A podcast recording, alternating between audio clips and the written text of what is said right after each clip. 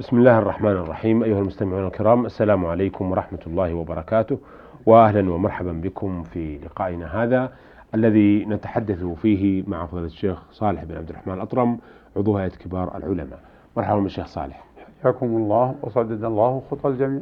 أه الشيخ صالح عرفنا أن هناك أمور أه بارزة تناقض كلمة التوحيد وعرفنا الأول منها أه الذي ينبغي أن يجتنبه المسلم وهو الشرك. أه نود أن نعرف إذا كان هناك أمور أخرى. بسم الله الرحمن الرحيم. الحمد لله رب العالمين وصلى الله وسلم على نبينا محمد وعلى آله وصحبه أجمعين. آه نعم. هناك أمور كثيرة تناقض التوحيد. وتوقع من خالف التوحيد في المهالك. وقد أوصلها بعض العلماء إلى ثلاثمائة نوع. وقد تزيد حينما يدقق الإنسان. وذكروا هذا في باب حكم المرتد. ذكره الفقهاء في باب حكم المرتد. الكتب المختصرة والكتب المطولة. نعم. ولكن نتناول ما تيسر. بعض الأمور التي ترجع ترجع لها هذه الأمور التي بينها الفقهاء في باب حكم المرتد بأنه إذا فعل شيئا من هذا ارتد. فمنهم من ذكرها بجزئيات ومنهم من ذكر لها رؤوس تدخل تحتها الجزئيات عند إمعان النظر. من ما ينافي التوحيد أن يجعل الإنسان بينه وبين الله وسائط يتوسط بهم إلى الله ويستشفع بهم ويرجوهم أن ينفعوه عند ربه ويخافهم أن يضروه بأن يضروه عند عند ربه أو عند الله. فهم يجعلون الوسائط لعدة أسباب. من أوضحها أو من أظهرها الجهل بالشريعة ومنها تمكن الشيطان وأعوانه من هذا الشخص الجاهل بأن يحقر أعماله وعلمه بأنه قاصر وعاجز عن الأعمال التي توصله إلى رضاء ربه. ويعظم عنده المخلوق الذي توجه إليه وجعله واسطة وجعله شافعا. ثم هذا التفكير الذي قذف به الشيطان في قلب هذا الإنسان هذا الإنسان حمله على حسن الظن بمن تعلق به وقال إن هذا ولي أو نبي أو ملك أو رجل صالح وأنا ما أستطيع أن أعمل ولا أفعل فأريد أن أجعل هذا الشخص واسطة بيني وبين الله فأطلب منه الشفاعة. هذا مدخل شيطاني. نعم. فلنتق الله. جاء التحذير منه في القرآن. وجاء تكذيب هذه الوسوسة. تكذيب هذه الوسوسة. وجاء إبطالها. وقد حصلت على قوم أول نوح على قوم أول رسول وهو نوح. عليه وعلى سائر الأنبياء الصلاة والتسليم. وهو أن قوم نوح أتاهم الشيطان وقال إنكم الآن تعرفون الصالحين. ولكن ربما تنسونهم. فصوروا صورهم. حتى إذا هلكوا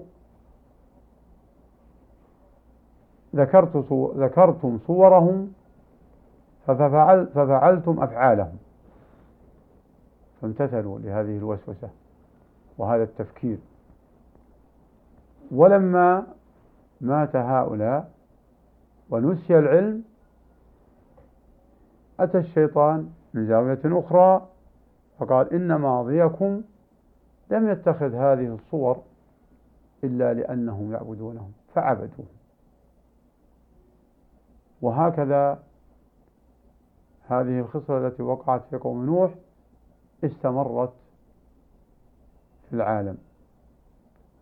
فتتابعت الرسل في التحذير من أن يشرك الإنسان بالله أو يجعل بينه وبين الله واسطة.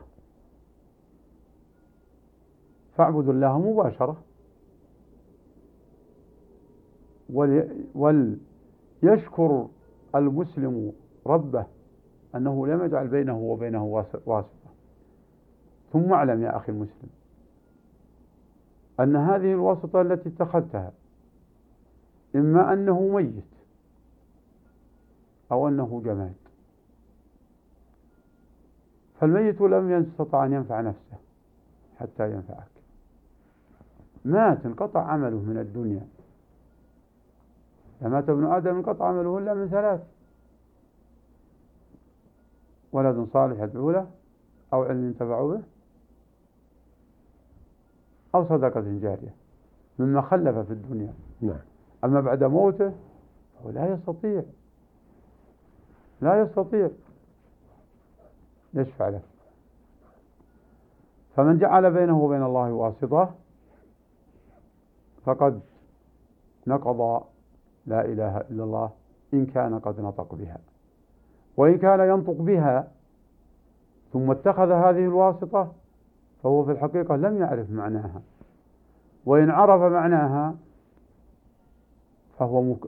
فاتخاذه الواسطة مكابرة. مكابرة ومضادة للقرآن والسنة. هذا احتمال. نعم. واحتمال آخر أنه يجعل نفسه سيد ويجعل نفسه سائس في هذا القبر فيستفيد أمورا دنيوية من القادمين لهذا الولي الميت أو هذا النبي الذين يستشفعون به. فطغت عليه طغى عليه حب المادة التي يستفيدها في هذا الطريق المحرم. هذا الطريق المحرم وهو الإعانة على الشرك. واسمع يا أخي مسلم قول الله تعالى والذين اتخذوا من دونه أولياء ما نعبدهم ما نعبدهم تأمل الآية. إلا ليقربونا إلى الله زلفى.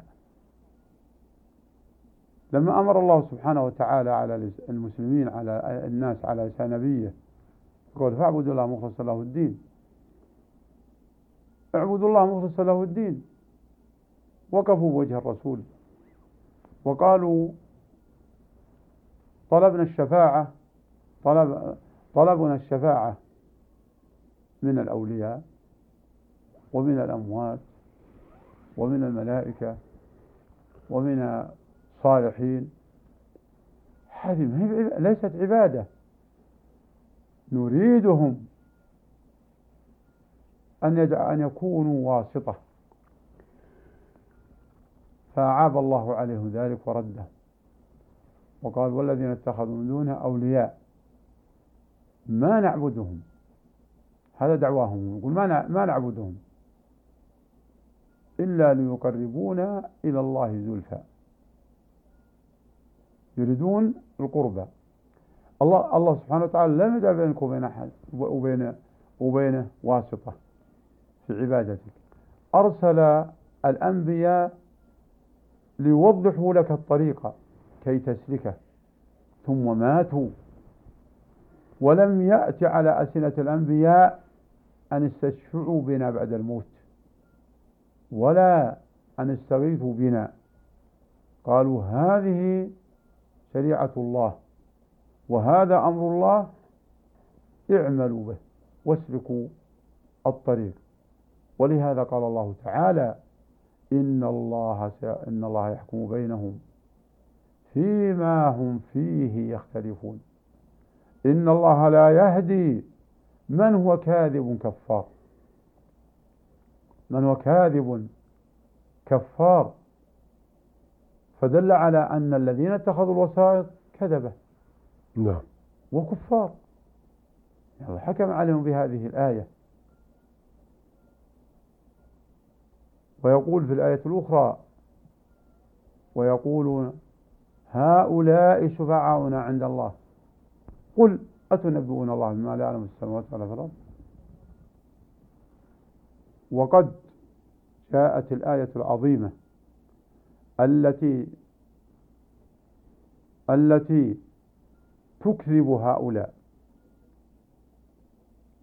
والتي وصفها علماء الشريعة بأنها تقطع عروق الشرك من القلب.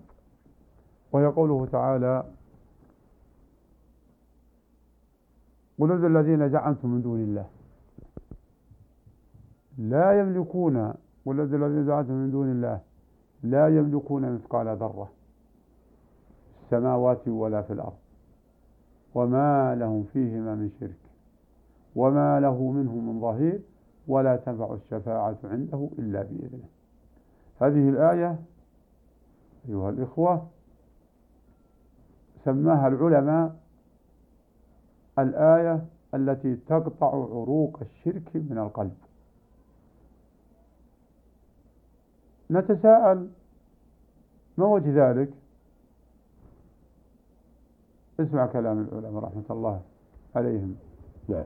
ونفعنا بعلومهم. قل الذين زعمتم من دون الله. هذا تحدي من الله للكفار. ادعوهم.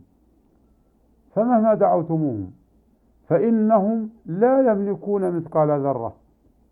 ذرة حبة من الرمل أو الذرة اللي الحيوان المعروف. ما يملكون شيء. لا في السماوات ولا في الأرض. والعادة جرت أن الذي ينفع هو الذي يملك. نعم. أليس كذلك؟ بلى. هو الذي يملك. هؤلاء لا يملكون. إذا كيف ينفعون؟ كيف يدعون؟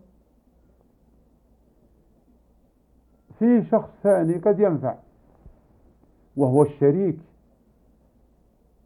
فنفاه الله هذا الأمر الثاني. فقال وما لهم فيهما من شرك. ما لهم شريك في الأرض في السماوات والأرض مع الله. فإذا كان ما له شريك وعادة الشريك ينفع لكن الله ما له شريك. فهؤلاء الوسطاء الذين اتخذتموهم ما هم شركاء مع الله. إذا بطل التوسل بهم والاستشفاع بهم. لا يملكون وليسوا شركاء. فلربما يأتي واحد ويقول هم صحيح. ما يملكون وليسوا آه، هم ما يملكون ولا شركاء. لكن أعوان. لأن عادة الوزير يصير معين. نعم. فأبطل الله ذلك هذا الأمر الثالث. ما لهم فيه شرك وما له أي الله سبحانه وتعالى منهم أي من جميع المخلوقات من ظهير أي من عون إذا ما له عون بطل. بطل هذا الادعاء. بطل هذا الادعاء. فداروا من جهة أخرى. وقالوا نريدهم شفاعة. لأن الشافع ينفع عند المشفوع عند المستشفى عنده. نقول نعم صح ينفع. لكن أبطل الله هذا بقوله ولا تنفع الشفاعة عنده إلا بإذنه. فأبطل الله سبحانه وتعالى جميع الطرق التي يتعلقون بها نعم. فلا يصح أن يتخذ الإنسان واسطة بينه وبين الله بل اعبد الله اعبد الله مباشرة لماذا؟ لأنك إن أردت الشفاعة من الأنبياء فلا يشفعون إلا أن أذن الله لهم وإن أنت عصيت الله وأشركت بالله لم يأذن لهم أن يشفعوا لك من ذا الذي يشفع عنده إلا بإذنه هذا شرط. ولا يشفعون إلا لمن ارتضى.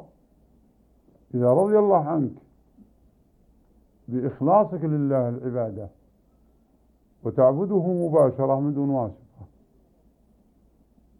رضي الله عنك ثم أذن لأنبيائه أن يشفعوا لك وللملائكة وللصالحين وللأولياء. نعم. وللأولياء. فاحفظ يا أخي هذه الآية الكريمة وتأمل معناها وتأمل وصف العلماء لها. قل ادعوا الذين زعمتم من دون الله لا يملكون مثقال ذرة في السماوات ولا في الأرض وما له فيهما من شرك وما له منه من ظهير ولا تنفع الشفاعة عنده إلا بإذنه. ما هو وصف العلماء؟ أنها تقطع عروق الشرك نعم. من القلب. نعم. فما أعظمها من آية. شكرا الله. فتبين لنا أن اتخاذ الوسائط لا يجوز وهذا ما آه، بعض ما استحضرته والآيات والنصوص كثيرة جدا. آه شكرا جزاكم الله خير. بهذا نأتي أيها الأخوة إلى نهاية لقائنا. هذا الذي تحدثنا فيه مع فضيلة الشيخ صالح بن عبد الرحمن الأطرم عضو هيئة كبار العلماء. شكرا لفضيلته وشكرا لكم أيها الأخوة وإلى أن نلتقي بحضراتكم نستودعكم الله والسلام عليكم ورحمة الله وبركاته.